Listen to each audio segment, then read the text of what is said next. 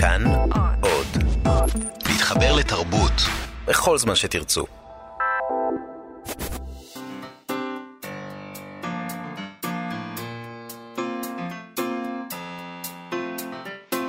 מה שכרוך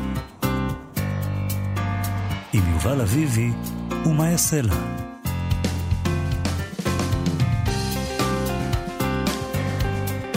שלום, אנחנו מה שכרוך עם יובל אביבי ומה לה, מגזין הספרות היומי של כאן תרבות, תודה שאתם איתנו. אם אתם מאזינים לנו, אתם בטח עושים את זה באחת מכמה דרכים, נפרט אותן, כי זה מה שאנחנו עושים. אתם יכולים להאזין לנו ב-104.9 ו-105.3 FM ברדיו הישן והטוב. אתם יכולים uh, באפליקציה של כאן, כאן אודי, שאותה תמצאו בחנויות האפליקציות, או בספוטיפיי אפילו, וגם באינטרנט אפשר, נגיד, סתם לשבת מול המחשב, ללכת לאתר, לגלוש, סליחה, לאתר של כאן ולשמוע אותנו שם. אה, לגלוש באתר של כאן ולשמוע אותנו שם. זה פשוט סלוגן נהדר. אפשר... חייבים לאמץ את זה. אפשר להפריד אה, את זה לשורות קצרות וזה יהיה שיר. שירה, צרופה. אה, לגלוש באתר שלנו כאן. בקובץ הבא שלי שיצא בהוצאה עצמית אחרי שעשיתי Head Start. זה יהיה העדכון הראשון. אמ, איתנו באולפן, כן, איתנו באולפן. מיכאל אולשוונג ואיתי סופרין, שלום לכם. עם השם המושלם, איתי סופרין. נכון. וגם את, מאיה סלע? שלום. אפילו אני פה. אה, תשמע, אנחנו נדבר היום עם דוקטור תמר הס, ראשת החוג לספרות עברית מאוניברסיטה העברית. אנחנו נדבר על רבדים לשוניים בשירה פמיניסטית דתית. כן. זה, זה במס... אוקיי. היא תרצה במסגרת אה, כנס על נכון. מגדר ולשון אנחנו ועריכה. אנחנו נדבר על הדבר הזה, נשמע מה זה אומר בכלל, כל הדבר הזה. נדבר גם עם אילי גרין, צייד הספרים שלנו, מחנות הספרים המשומשים האחים גרין. ואנחנו נדבר עוד קצת על ספריית תרמיל אה, בפינת הסטטוס היומי שלנו, ותהיה לנו פינת ביקורת הביקורת, ועוד דברים כנראה, ככל שנספיק. אם נספיק את כל הדברים. אתה, לא, אתה, אתה מדבר ומדבר ומדבר, ולא מספיקים כלום. כן, כבר עברו, חלפו איזה שלוש דקות. אוקיי. ו... ועוד לא התחלנו. אז, אז קדימה. נתחיל. Uh, נתחיל עם דבר מעניין שקרה ברשימות רבי המכר. uh, ב-28 בדצמבר עמוס עוז, הסופר הגדול, הלך לעולמו. ושבוע אחר כך, אחרי שהוא כבר יצא משם, אה, חזר הספר שלו ושל שירה חדד, ממה עשוי התפוח, לרשימות רבי המכר של החנויות העצמאיות. אה, בסוף השבוע הקודם, אה, הוא היה במקום השני בקטגוריה, ובסוף השבוע האחרון הוא כבר טיפס בחזרה למקום הראשון. נכון, אבל לא רק בקטגוריית העיון, ברשימת רבי המכר של החנויות העצמאיות בסוף השבוע האחרון חזרה, חזר, הייתה חזרה מפתיעה עוד יותר. אה, לרשימת הפרוזה, ממה עשוי התפוח, זה ספר שיצא לאחרונה, ספר שיחות שלו עם שירה חדד. אגב, ספר מאוד מעניין גם בעיניי. נכון. אה, הגיוני מאוד שהוא יהיה ברשימות רבי המכר בכל מקרה. אבל ברשימת הפרוזה, במקום השביעי, ניצב כרגע סיפור על אהבה וחושך. Uh, האוטוביוגרפיה, הייתי אומרת, שיצא ב-2002 uh, בהוצאת כתר. כן, זה מופיע ברשימות העצמאיות כאמור. אמ, כן, אגב, שזה לא להיט. לא, זאת אומרת, זה נחמד לא- מאוד, אבל מבחינת מכירות, זה לפעמים לא אומר... זה לא אומר הרבה עותקים, אבל זה חזר למחזור. אבל זה ברור למה זה קרה, כמובן. כן. מה אתה רומז, שצריך למות כדי שיקראו את הספרים שלך? אני... אה, לא. אני רומז שזה, אה, ש... אגב, זה מעניין, למה דווקא אה, סיפור על אהבה וחושך, ולא נגיד מיכאל שלי, שזה כי זה autofiction. נכון, כי זה autofiction. וזה מה שאנשים רוצים לקרוא. כי כשהוא הלך לעולמו, אז אנשים אומרים, אה, אני רוצה לדעת מי האיש הזה, אז אני אקרא את הספר האוטוביוגרפי שלו. שזה אה, דבר מאוד מצער בעיניי, אגב. אני בכלל, אה, ברשימת הספרים, נגיד, של אה, עמוס עוז, שאני אוהבת, כן. סיפור על אהבה וחושך לא מופיע. באמת? ממש לא. אני חושב שזה ספר גדול. לא. זה לא, לא ספר גדול בעיניי. באמת? באמת. אני חושב שזה ספר גדול, אבל... אבל אני חושב שיש לו הרבה ספרים טובים אחרים, אפשר... זה, זה לא, קודם כל זה לא פרוזה, זה לא, זה אוטוביוגרפיה, אז תקראו את הספרות שלו, תקראו את הסיפורים הקצרים שלו. אה, אתה יודע, לא ספק... האוטוביוגרפיה הזאת של עמוס עוז, היו שם דברים מעניינים, אה, בחלקה היא מאוד שיאמה אותי, אני חייבת לומר. אה, האמת היא ש... אפשר נכון, היה לערוך אותה, אפשר היה לקצץ אותה. זה נכון, אבל זה נכון שארצות התן, הספר סיפורים הקצרים הראשון שלו, זה הספר הראשון שהוא פרסם, הוא בעיניי אחד מהפסגות שלו באופן מפתיע. וזה מעניין האמת, גם נגיד עם דוד גרוסמן יש לי את אותו דבר, אני מאוד אוהב את רץ, הספר סיפורים הראשון שלו. אחר כך הם מתחילים... אה, לכתוב רומנים. זה משהו שנאמר פה אתמול באולפן, אה, נדמה לי שאמרה אחת המועמדות לפרס ספיר, אה, מירב נקר סעדי, הדבר הזה שאתה כותב, הספר הראשון שאתה כותב, כשאתה בכלל לא יודע אם הוא יצא, ואתה בכלל לא יודע אם יקראו אותו, ואתה בכלל לא מתייחס לדבר הזה. כן. אין לך שום התקבלות. יחס אין אה, התקבלות, לנושא כן. הזה שנקרא התקבלות. ואז נכון. קורה שם איזה... נכון, וחוץ מזה, שאתה יודע, תמיד אומרים בוסר כ- כמילת גנאי, נכון. אבל בוסר זה בעיניי אה, לא מילת גנאי. לא, בוסר זה הדבר הנהדר הזה, כשאתה עוד צעיר, כזה, וזה ו- נכון. פרוע, וזה לא משויף. אני נאלץ להסכים איתך, זה נכון, הרבה. פעמים, אה, הרבה פעמים, מה, שאנחנו מסכימים? כן. זה טרגדיה. הבוסר זה לפעמים הדבר הכי יפה. זה נכון, אני מסכים. Uh, תשמעי, ברשימה של סטימצקי לעומת זאת, דיברת על זה שהרשימה של החנויות העצמאיות לא אומר כלום.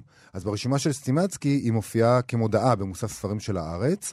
Uh, בסוף השבוע האחרון אין שם אף ספר של עמוס עוז, לא עיון ולא בפרוזה, וזה למרות שביקור בחנויות סטימצקי מוכיח שספריו חזרו למדפי הרשת.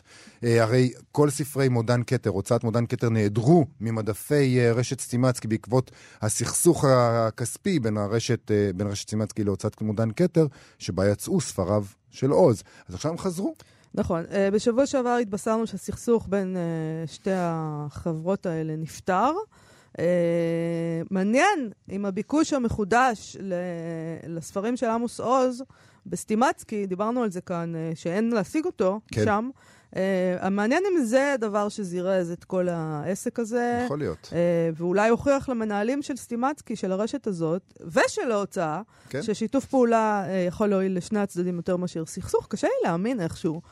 שבסוף הספרות פתרה את הבעיה, אבל אולי, לא יודעת. זה עולם, זה נראה לי לא הגיוני. עולם אידיאלי מוזר נכון. כזה. עכשיו, אה, כאמור, הספרים כבר מופיעים שם, וכמובן גם זוכים למדף משלהם, בתצוגה מיוחדת אה, בחלק מהחנויות.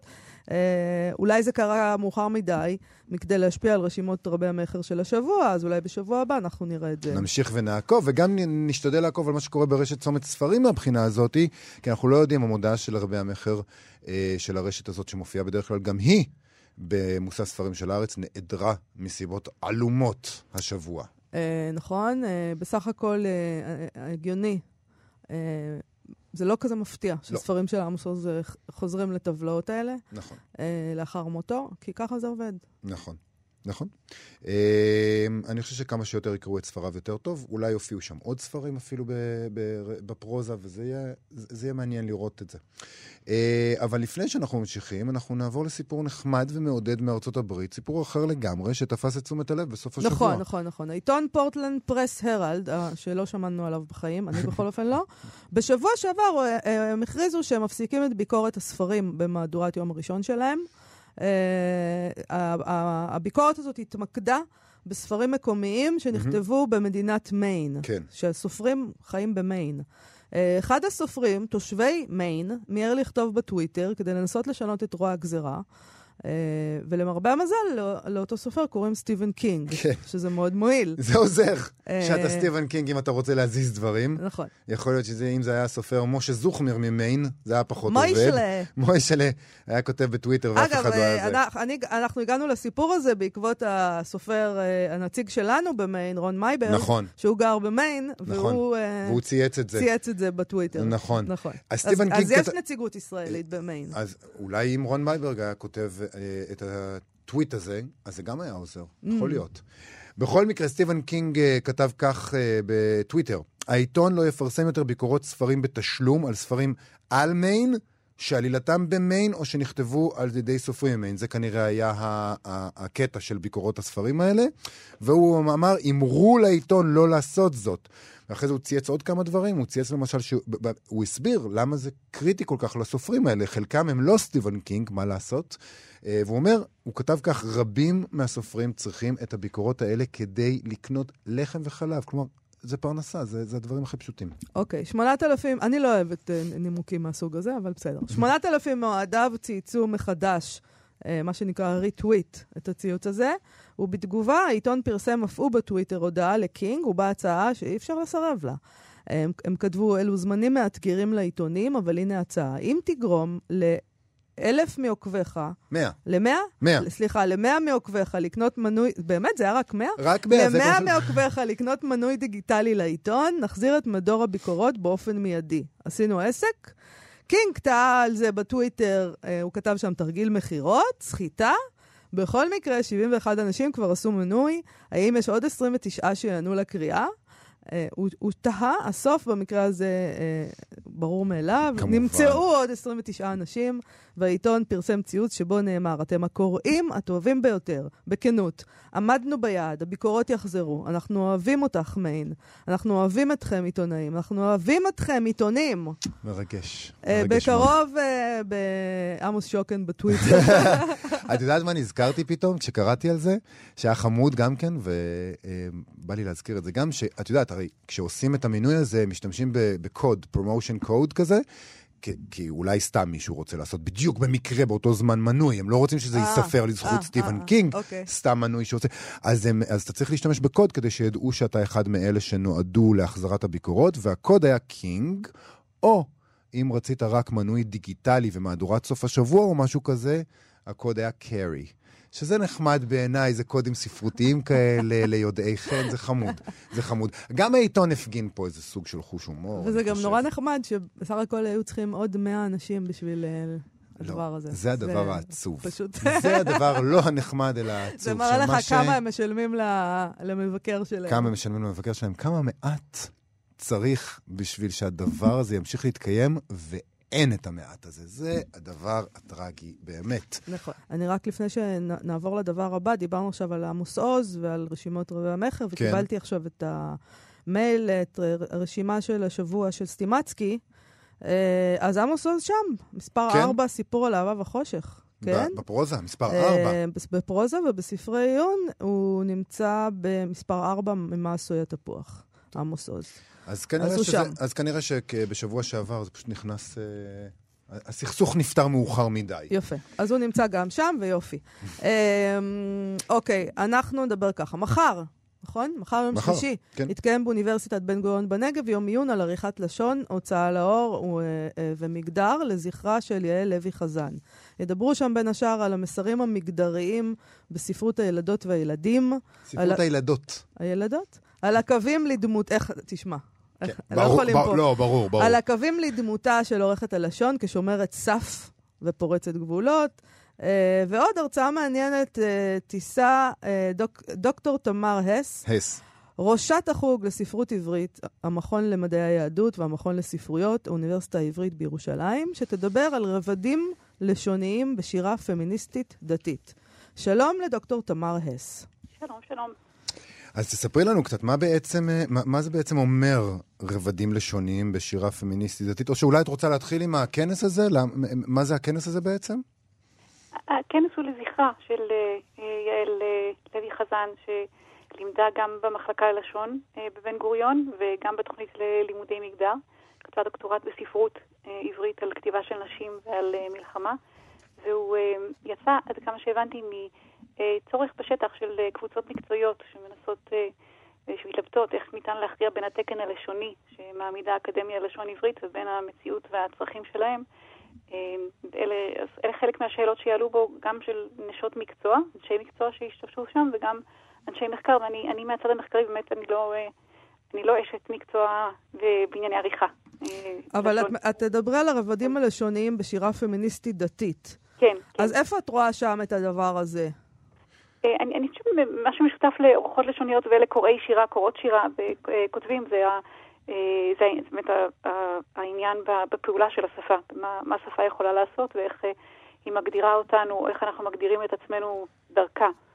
אה, אה, ב- בתוך, בתוך ה, אה, כל הזרמים של הפמיניזם, מראשית המאה ה-20, נותנים מקום מאוד מרכזי לשפה בהגדרה שלנו, ו, אה, ולכולם ברור שהשפה צריכה להשתנות כדי שמקומם של נשים בתרבות ובחברה ישתנה. את יודעת, זה מעניין, לפני כמה זמן דיברנו כאן בתוכנית, לרגל אה, היה את יום העברית, ודיברנו כאן עם מזכירת האקדמיה ללשון עברית, והיא דיברה דווקא נגד השינוי, נגיד, אה, אה, עושים עכשיו שינוי של... אה, שמנסים אה, להפוך את השפה למאוזנת מבחינה מגדרית. היא אמרה למשל, לא, לא הייתם אומרים אה, בית חולות, הייתם תמשיכו להגיד בית חולים, כי בעברית אה, הצורה, הצורה הסתמית היא צורת זכר רבים. אה, אבל יש הרבה מקומות שבהם מנסים ממש להתנגד, לת... ל... ל... נגיד לדבר הזה. כן היית, אה, יש אנשים שאומרים בית חולות למשל. כן. זו שאלה של הרגל, ואני חושבת שהשינויים האלה משנים את תפיסת העולם שלנו. השיר המפורסם של מיריאל רוקהייזר, על המפגש של ספינקס ואדיפוס אחרי הרבה שנים, ועל החידה שלו. כן. כשהוא עונה, זה באנגלית, זה, זה man, והוא אומר לה שכל מי שאומר man מתכוון לכל המין האנושי. והספינקס אומרת לו, זה מה שאתה חשבת. אמ, אז השפה כן משנה, זאת אומרת, צריך לשנות את האוניברסלי. סימון דה בובואר גם אמרה את זה כבר לפני הרבה שנים, שזה לא, לא סביר שהגברי מחזיק גם את האמצע, את, את האמצע האוניברסלי וגם את הגברי. כן. שהנשי הוא תמיד החריג. את יכולה לתת לנו אולי דוגמה לדבר הזה בשירה שאותה תביאי בכנס? כן, כן אז אתם, אתם רוצים לקרוא שיר? כן, בטח. אנחנו רוצים שאת תקראי שיר, כן. אוקיי. אז, אז אני, אני אביא דוגמה משתי משוררות, מזלדה, שהיא האם הגדולה של הזרם הזה בשירה הנוכחית. היא לא, לא משוררת פמיניסטית, אבל משוררת דתית. ומשלומית נעים נאור, שהיא משוררת צעירה, כן. שכותבת בעקבותיה. השיר של זלדה הוא אחד השירים המפורסמים והאהובים שלה, אני ציפור מתה. זה נקרא אותו. אוקיי. Okay. אני ציפור מתה, אני ציפור מתה, ציפור אחת שמתה, ציפור אותה מעיל אפור, בלכתי, לץ מפטיר לעומתי.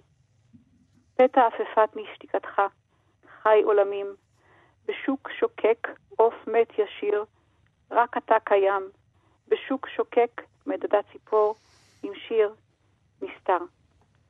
אוקיי, ומה השיר... ומה...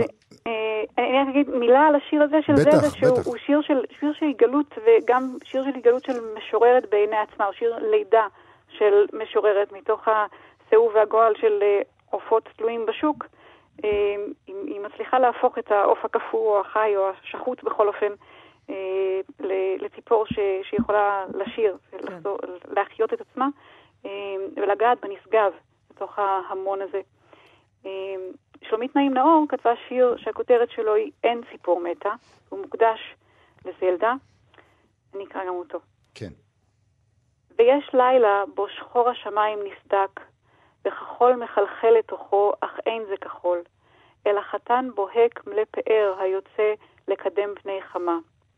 כל השמיים יחתם בגשם סמיך ומתגלגל, מי שירחק קווים של אפור יעלו, וציוץ ציפור רודף מכונית מתקרבת, חוצה כביש מולו גינה זרועה, חסות שחור השמיים.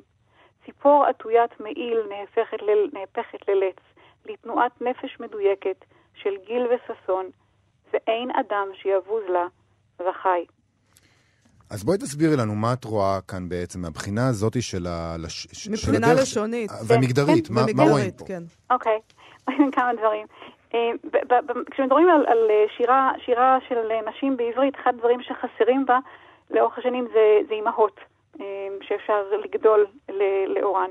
ושלומית נעינור מאמצת כאן את זלדה, היא האימא הגלויה שיש כאן, וביחד עם זה, אני חושבת שכל קורא שירה ישראלי יכול לזהות כאן, אולי לא כל, אבל אפשר לזהות כאן את דליה רביקוביץ' גם.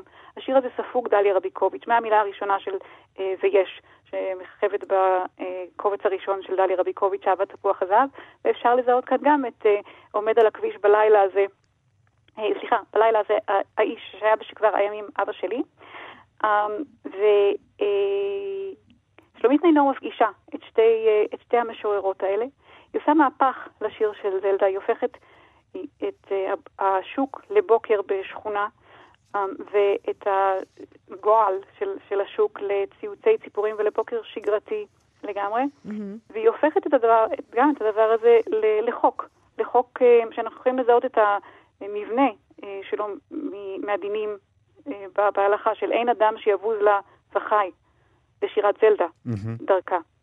אז, אז זה שיר שמפגיש את מה שאנחנו תופסים בתרבות שלנו כשירת חול עם סוג של עם שירת קודש, ומאפשר צמיחה של משוררת צעירה מתוך שתי משוררות שמשויכות לשני עולמות שונים בתפיסה השירית שלנו.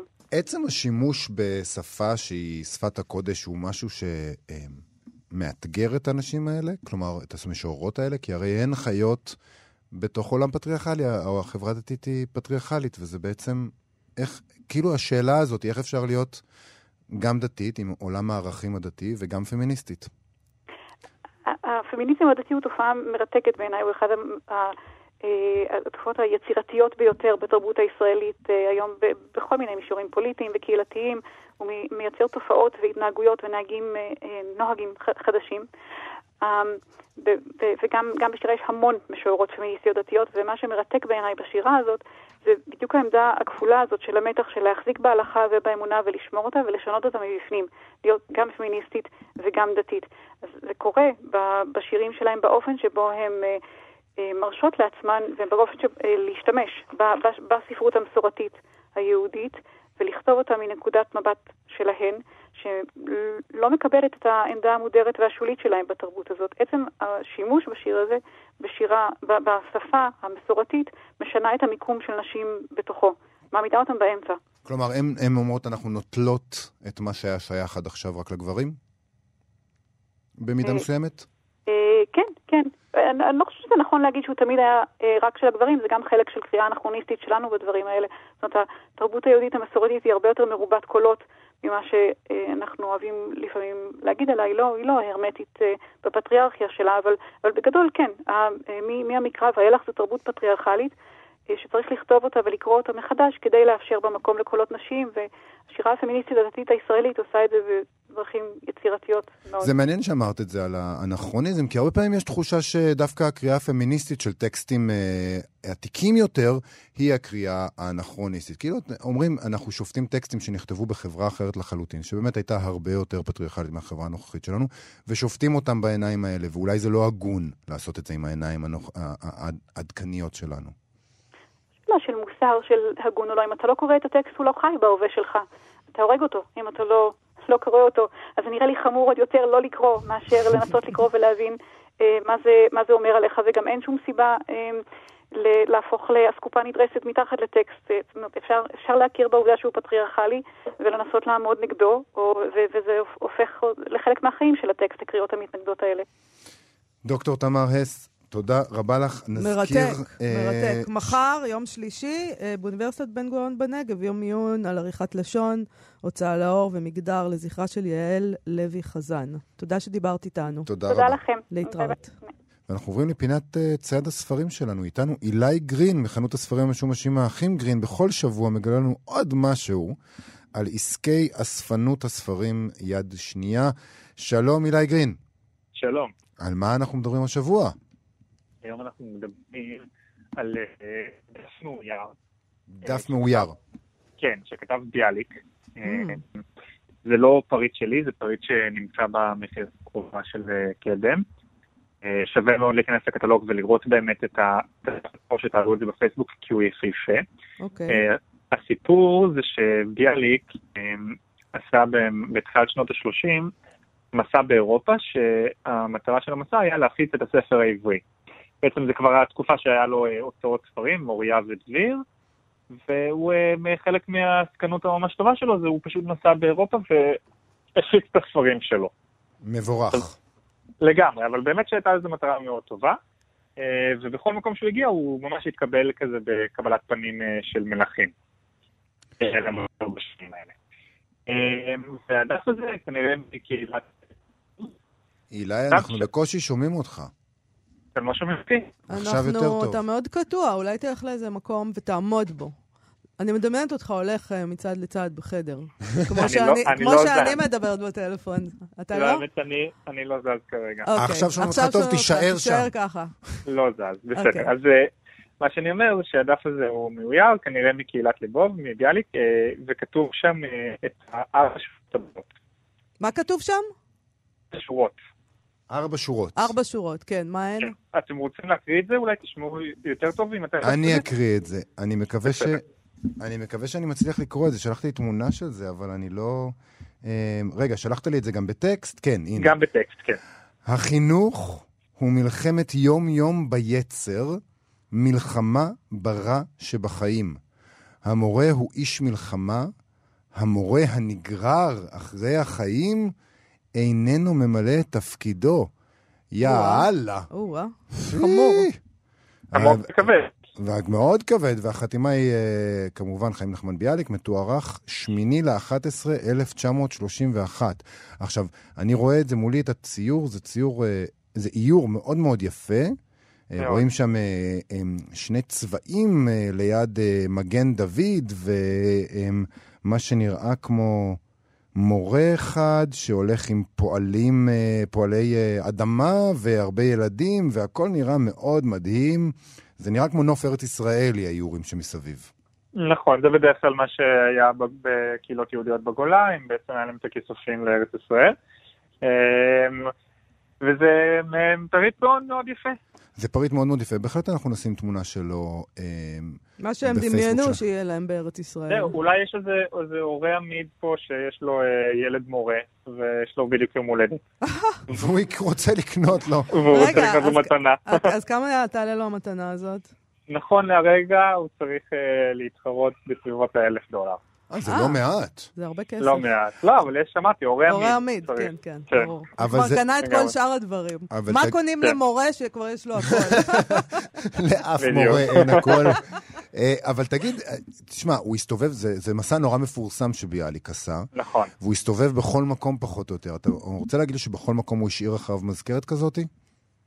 לא, זה תלוי מאוד, כי אם כן, אז כנראה שהדברים שמורים אצל אנשים פרטיים עדיין, וזה לא יצא לשוק, אבל כן, הוא השאיר מזכרות מהמסורות שלו באירופה, הוא מאוד אהב אה, לכתוב אה, כזה כמה שורות, פה ושם. אנחנו מדברים על אה, שנות ה-30, כן. תחילת אירופה. שנות ה-30. אה, כן. יש להניח שהדברים עלו בעשן, כמו האנשים שלהם זה ניתן. יש סיכוי נכון. כזה. כן. יש סיכוי נכון, כזה. זה גם כיוון אה, מחשבה יפה. הדפים אה, כאלה הם נדירים מאוד? כלומר, אתה אתה נתקלת... מאוד. כן. אז זאת אומרת, הוא אפשר לא... למצוא... אפשר למצוא חתימות שלו על ספרים אבל, אה, ומכתבים שלו ב- בכל מיני נושאי ספרות, אבל משהו שממש אה, מבוסס בתוך קהילה יהודית באירופה זה לא משהו. זה ממש מדהים. אתה, יש לך מושג אה, איך זה הגיע לקדם? מאיפה? מה מה לא, הסיפור של לא, זה? אין לי- אין לי. מושג. הכל סודי כזה בטח. אם אני הייתי מוכר דבר נכון. כזה, גם לא הייתי מגלה לאיש. כי כמובן שהדבר הזה צריך להיות, נגיד, בבית ביאליק אולי, או במוזיאון אחר. שבית ביאליק אה, יתכבדו ויקנו את זה. קדימה. יכול- אה, מאוד יכול להיות שהקונים שזה באמת זה הספרייה הלאומית, או בית ביאליק, כן. הם בדרך כלל מתחרים אה, במכירות. יש אה, פריטים מעניינים אה, במכירה הזאת של קדם? עוד פריטים מעניינים? מאוד מאוד, אה, הרבה בנושא תרבות עברית. אה. אה, יש שם דברים מאוד יפים, שווה מאוד להיכנס לקטלוג. שלחת לנו פה, לפי דעתי, משהו שכבר דיברנו עליו בעבר, שגם נמכר, איזה הקדשה. אה, נכון, נכון? זה, כן, דיברנו אה, על זה. של ביאליק ורבניצקי לאחד העם. מדהים, פרי עבודתנו המשותפת מתוך ייסורים משותפים. מנחת אהבה לאחד העם, חתום חיים נחמן ביאליק ורבינסקי. זה מה זה? זה מתוך ספר? זה ספר, זה שירי אבן גבירול בשני כרכים, וזה בעצם אה, היה כנראה העותק הפרטי של אחד העם, כי גם אה, הוא רשם את השם שלו אה, על אה, שני ה... על שני הכרכים, וגם בכרך הראשון יש את ההקדשה מביאליק ורבניצקי. ממש מדהים. ואם אותו מורה שיש לו הכל רוצה גם את זה, מה הוא יוצא מהכיס שלו? זה נראה לי 600 דולר. 600 דולר בקטנה לאותו בקטנה. מורה. לגמרי. אה, אילי גרין מחנות הספרים המשומשים האחים גרין, תודה רבה לך על השיחה הזאת. בכיף. להתראות. ביי. ביי. נעבור לפינת ביקורת הביקורת? בהחלט. ויאללה. מדברים על אה, ביקורת מעניינת שכתב עמרי הרצוג במוסף ספרים של הארץ בסוף השבוע. אה, הוא כתב על הספר ג'ים הילד של טוני ארלי, שיצא בעם עובד. מה שמעניין בביקורת הזאת זה איך שהוא מתאר את הספר. נכון, הוא כותב שהספר חריג בנוף הספרותי העכשווי, הסיבה לכך היא שהרומן פשוט. הוא חוזר בלשונו ובמבנהו ליסודות הבסיסיים של מעשה הסיפור. אין בו התחכמויות, נדידה בין זמנים, קווי עלילה מקבילים או ריבוי דמויות. לשונו ישירה, כנה וחפה מקישוטים מיותרים, והוא מגולל סיפור שמוצף באהבה ובחום. עכשיו, ההנחה המובלעת שאני מבין מה, מהשורות האלה היא שהספרות היום מתאמצת להיות מורכבת מאוד, ולעשות כל מיני תרגילים עלילתיים ולשוניים, ו- ו- והמטרה של כל המאמץ הזה זה להמציא מחדש את הספרות ולהראות שהיא עדיין רלוונטית. והרצוג כותב גם שנגיד בספר הזה אין התעללות או אלימות. הוא לא כולל דרמות מיניות או קונפליקט מוסרי מלודרמטי. אף אחת מהדמויות אינה נטועה במצב מערער של חוסר תפקוד, ואינה נוסחת בסביבתה חסך רגשי או טראומה סמויה. זהו סיפורה של משפחה מאושרת, מלוכדת ואוהבת. והוא כותב, נדרש אומץ לב בלתי רגיל כדי לכתוב כאן רומן כזה, על רקע נוף ספרותי שמעמיס על דמויותיו, וגם על קוראיו, מסקטות עמוסות של קורבנות, ייסורים, חיבוטים ומשברים. אומץ לב, לכתוב סיפור פשוט על אהבה. אני חושבת שזה נכון. אה, זה נורא עצוב אם זה הספר נכון. הזה נכתב באנגלית, אה, כמובן, תורגם מאנגלית, הוא, הוא פורסם שם בשנת 2000, הוא רק עכשיו תורגם, אז ייתכן אפילו שבעקבות כל מה שקרה מאז לעולם, נדרש אה, הרבה יותר אומץ לכתוב ככה. אני רק יכולה להגיד לך שזה מזכיר לי את, את זה שאני לפעמים מחפשת לראות סדרה בנטפליקס, כשאני גומרת את הסדרה שגמרתי לראות עכשיו, מהמם. ואז אה, אני, אני עוברת על הסדרות שם. אה, פה רוצחים, פה זה רוצח סדרתי, שם זה אנס סדרתי, ויש לי איזה מין דבר כזה של... אה, אה, אי אפשר איזה משהו בלי רצח ואונס ופשע? אי אפשר, אין. אז זה מזכיר גם את חיים פשוטים, נכון? ש... הנה, קראת. חיים פשוטים זה ש- של יניג ההרה, חיים קטנים, אגב. חיים קטנים, סליחה. זה ספר כזה שבהתחלה, טוב, כבר חזר, אמרתי את זה, כבר מאוד מאוד אהבתי אותו, הכתיבה וזה, המאה העמודים הראשונים, חשבתי שאני קוראת רומן גדול. ופתאום היא מתחילה עם ההתעללויות המיניות האלה, זה מסחטה רגשית כזאת. נכון. זה דבר בלתי נסבל. זה פשוט. נכון. וזה מעניין, יכול להיות שפשוט... אה, אה, פשוט זה מה שנתפס כאילו אנחנו צריכים. כל לא, הזמן זה מה גירוי. שמעניין, אנחנו צריכים דרמה. מה זה דרמה? דרמה. אם לא רוצחים מישהו, אז מה הדרמה? מה הטעם? וגם שהחושים שלנו קהו, אנחנו חייבים, ככל שמשתמשים בדבר הזה, בטריגר הזה יותר ויותר, אז אנחנו מתקהים ונעשים חסינים, אז צריך לעשות משהו יותר מזעזע. עכשיו, שהרצוג טוען כן, הוא... למה סתם רצח כשאפשר שזה יהיה רצח סדרתי? אתמול התחלתי לראות איזושהי סדרה שבפתח שלה, עוד לא, לא, לא התחלתי אפילו, רק היה את הפתיח, כן. ובפתיח היה מין אה, תמונה כזאת שהלכה ונעלמה של אה, צ'ארלס מנסון, אהה. הרוצח הסדרתי. פשוט הפסקתי, לא, לא נכנסתי. אתה, אתה אמרתי מתחיל שם, לא לאן... מתחשק לי, לא לאן בא לי? עכשיו, כן. אה, פסיכופטים, אין לי כוח כבר לזה. עכשיו, רגע, אנא המליצו לי על סדרות בלי פסיכופטים. סדרות נחמדות ו- וחמודות, על אוליב אהבה. קיטריג' למשל, לא, זה לא חייב להיות על אהבה. אוליב קיטריג' זו סדרה שהיא פשוט הייתה masterpiece. מהמם. הייתה בה דרמה מאוד גדולה, אבל בלי הדרמה המאוד גדולה. הדרמה של החיים שלנו, זה מספיק גדול. זה מספיק גדול, כן. כן. בלי רצח. אבל מה שמעניין אותי עוד בביקורת של אה, עמרי הרצוג הוא שהוא טוען שבכתיבת סיפור כזה, סיפור פשוט וחף מכל השטיקים האלה, נדרשת גם מיומנות גבוהה בכתיבתו, כי רק חוט שערה מבדיל בין פשטות ובין נאיביות, בין מתיקות ובין סכריניות. ג'ים הילד, הוא כותב, אינו נופל לקלישאות רגשניות, ולכן הוא מפעיל רגש. רגש שקט וחם, מתוק ומנחם. את חושבת שצריך יותר מיומנות כדי לכתוב פשוט וחיובי מאשר סנסציוני וטראומטי? אני לא בטוחה בזה. אני לא בטוחה שצריך, כי הנה, עובדה שיאני גהרה, למשל, בחיים קטנים, מישהי עם יותר כישרון יכולה, אני לא, זה אפשר לכתוב על התעללות מינית בילדות, כמובן. היא עשתה מזה, זה דבר נורא, שצריך איזה כישרון. מצד שני, בואו נהיה כנים, נגיד בהקשר, אני לא כותבת ספרות, אבל נגיד בהקשר של ביקורות. אה, ב- לכתוב ביקורת אה, רעה על משהו, הרבה יותר קל מלכתוב ביקורת טובה. אתה מסכים איתי? לגמרי. זהו. זה נכון. זה מה שיש לי להגיד. אני חושב שבשני המקרים באמת דרושה מיומנות גבוהה, ואם אתה כותב סיפור סנסציוני ומלא התעללות וכאב, ו- וזה עושה את זה לא טוב, אז מהר מאוד שמים לזה לב, נכון. וזה לא, זה לא טוב. מה שכן אולי, זה שאולי הקוראים שנמשכים לסנסציות, זה עוזר אולי למכירות. הידיעה מה יש בחיים קטנים מושכת אנשים לקרוא אותו. באמת, אם כן, אני הייתי יודעת מה שיש שם, כן. לא הייתי קוראת את הספר הזה בחיים. למה? זה גם ספר שאני לא יכולה להמליץ עליו לאנשים, כי על מה את ממליצה פה? זה דבר נורא. איך אפשר להמליץ על דבר כזה? יכול להיות, אבל אני לא, חושב שהרבה לא, מאוד אנשים... אגב, אני מתכוונת לא מבחינה ספרותית דווקא דבר נורא, אלא להמליץ על משהו שיש שם את כל הכאב והסבל הזה. כי למה לפעמים, שאני אעשה את זה? לפעמים כשאתה מודה בספרים שאתה אוהב, אתה מודה בעצם באיזה מסתרי הנפש שלך, שלא לכולם אתה רוצה לחשוף את זה, זה גם נכון, זה כאילו... כמו לספר חלומות. בדיוק, או... לא, אבל זה כמו ב-2666 של בולניו. כן, שזה masterpiece שאני נכון, לכל אחד. ומצד שני, כל אדם שהמלצתי לו על, על זה באופן פרטי, אמר, אני הזהרתי גם, כי יש שם את הפרק, אחד הפרקים, זה מחולק שם לאיזה חמישה או שישה, ואחד מהם עוסק ברציחות של ברציחות, נשים. עכשיו, כן. זה, זה פרק קשה בצורה ונורא. בלתי נסבלת. כן.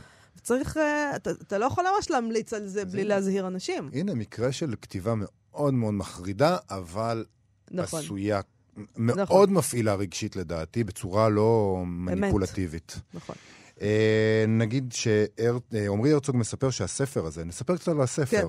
כן. סיפור התבגרות שמתרחש במשך שנה אחת, הגיבור שלו, ג'ים, חוגג את יום הולדתו העשירי בפרק הראשון, את יום הולדתו ה-11 באחרון, הוא יתום מאב, אך אמו ושלושת דודיו מגדלים אותו בחווה חקלאית בעיירה קטנה מצפון, בצפון קרוליינה בשנות ה-30 של המאה שעברה. הוא מצטט מסצנת יום ההולדת כדי, של ג'ים, משפט. כדי להדגים לנו את הפשטות. הוא, הוא אומר ככה, ג'ים נשא מבט אל אמו ואל הדודים שלו, כאילו יש לו סיפור נהדר לספר להם, והוא לא מצליח להיזכר באיזה שפה הם מדברים. בשביל הרצוג, המשפט הזה, זה מה שהוא כותב, המשפט הזה כולל דימוי פשוט מאוד, אבל פשטותה של כתיבה היא מטלה יצירתית מסובכת שהריגתה מורכבת יותר מכל פיתול. מעטים יודעים להתנהל בה, המבט של ג'ים מזדהר דרך הדימוי הזה, מבט מוכר ויקר, הדימוי לוכד אותו באופן אגבי, נטול מאמץ ומדויק מאין כמותו. זו כתיבה עשויה היטב, מזוקקת ונקייה. יפה. אה, הוא מסיים את הביקורת כך: באקלים התרבותי הנוכחי, הספרות נמצאת בתחרות סמויה עם סדרות הטלוויזיה. היא נוטה אל רוחב היריעה, אל האמירה הפוליטית או החברתית הרת הגורל. היא נאנקת לתאר התרחשות דרמטית שתחקק בזיכרון, שאמורה להדהים ולבדר בכל סצנה כדי לשמור על קשב. היא מפתה באמצעות אלימות מופרזת או באמצעות אירוניה שנונה. אבל ארלי מחזיר את הספרות ליסודותיה. הוא לא זקוק לאפקט ההפתעה, למשפטי מחץ שנונים או לתחכום מבני. ספרות פשוטה ומעולה מעולם לא הזדקקה להם. אני חייבת קצת להסכים איתו. אני, אני לא קראתי את הספר הזה עדיין, אבל הוא עושה לי חשק. נכון, אני מת לקרוא את הספר הזה עכשיו. אוקיי.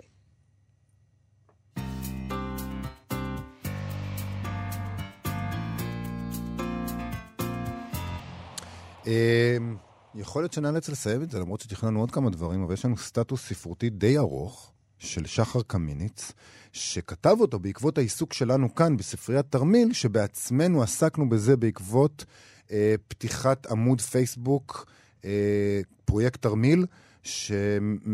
מישהי שם התחייבה לקרוא את 220 הספרים, או 230, או לא זוכרת מה. 200 נדמה 200 לי. 200 ומשהו, 200 הספרים של ספרי התרמיל, ולדווח, אה, פרויקט לעשות מקסים. לעשות סקירה, זה פרויקט מסכים, בינתיים היה שם אה, ביקורת אחת, אנחנו מקווים... אה, אני עשיתי לייק לעמוד הזה. אה, כדי לראות את העדכונים. ושחר קמיניץ כותב כך, אה, בתוכנית הספרותית, זה אנחנו, מה שכרוך, דיברו על סדרת תרמיל של משרד הביטחון, מפעל מפואר, שבמשך עשורים מדפיס ספרי מופת במחיר נמוך ובפורמט קטן המתאים בדיוק לכיס המדים. מיהרתי ולקחתי מהמדף את הספר האהוב, אשר כמעט עלה לי בחיי, וממנו עולה עוד, עולה עוד ריח קל של עשן גם בחלוף 30 שנה. זה סיפור טוב שמתחיל, זה פסקה טובה להתחיל את הסיפור, לפי דעתי. ככה הוא ממשיך. נשלחנו לשבוע עבודות רס"ר בבה"ד 15. הורו לנו להשאיר את התיקים במגורים, וכך קניתי בשק... בשקם וולטר אחד, בשקם וולטר אחד משנת 1759 וחטיף טעמי. את שניהם תחבתי לכיס הדגמ"ח. שמש עריצה הכתה כבר בשעת בוקר מוקדמת, ואנחנו רבצנו על האפר לפני משרד הרס"ר והתכוננו, כמקובל, לשעות, לשעות ארוכות של המתנה. פתחתי את הספר, ומיד נשבתי בקסמיה של הסאטירה החריפה. ראיתי את עצמי בדמותו של קנדיד, הנער התם שהושלך אל העולם הבלתי מובן בשל נשיקה אסורה וגילה עד אט, אט אט, את האימה וחוסר הפשר המושלים בו. בעוד דוקטור פנגלוס מלהט, מלהג ברגע על היותו הטוב שבכל העולמות האפשריים. הצחקוקים שלי הפכו לצחוק רב, ולפרקים עצרתי כדי להרהר ולהתפעל מעצמי.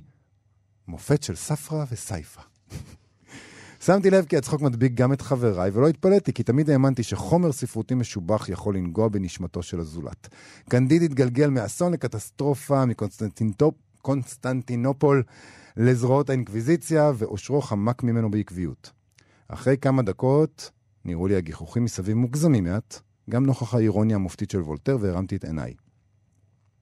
הרס"ר, נמוך ורחב, עמד במרחק סנטימטרים ממני, חזהו מכוסה באותות מלחמה והצטיינות עד אפס מקום. קולו היה מתכת זועמת. קמיניץ! למשרפות. מילים שלא נעים לאדם לשמוע, וגם העונש נשמע לי מוגזם. אפילו בהתחשב בדרכיו המסתוריות של חוק השיפוט הצבאי. לאן?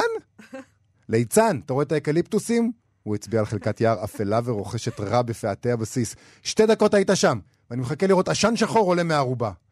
סירחתי את דרכי באור המשמח עם 16 הארוך, חובט בגבי, והתאבלתי על כל האהבות שלא אוהב, הספרים שלא אקרא, החטיפים החדשניים שעוד יומצאו ולא אזכה לנגוס בם.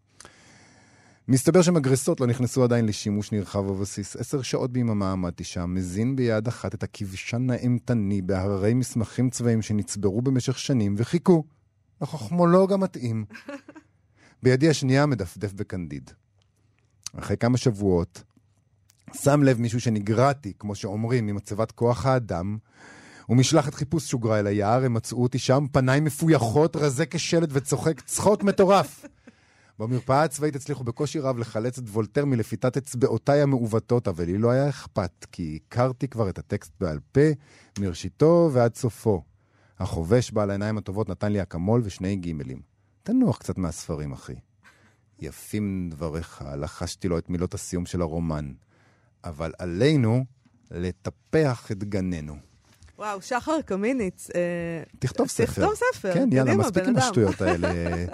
אה, מה שזה לא יהיה שאתה עושה. כן, אני, אנחנו לא יודעים במה אתה עובד, אבל... אה, נפלא. אבל האמת היא, להגיד לבן אדם תחליף מקצוע לסופר, כן, זה דבר לא הגון לא, אל לעשות. תקשיב לנו. תחביב, תחביב, היום ספרות זה תחביב, תעשה לעצמך תחביב. ו- תשמעו, טקסט מאוד מאוד יפה, ואני חושב גם שהוא קולע יפה למה שזה עשה לאנשים. אני מניח שיש פה אי אלו הגזמות, אבל לפעמים. כשאתה חייל, אתה צריך את, ה- את וולטר בכיס כדי להתמודד עם כל השטויות האלה שעושים שם. נכון, וזה זמננו לסיים, יובל. נכון אה, מאוד. לפני סיום נזכיר לכם לחפש את כאן אודי בחנויות האפליקציות ולבקר בעמוד הפייסבוק שלנו, מה שכרוך עם יובל אביבי ומאיה סלע. תודה רבה למיכאל אולשוונג ואיתי סופרין שהיו איתנו היום. אה, אך נהיה פה שוב מחר, נכון? בהחלט נהיה פה מחר. להתראות. להתראות.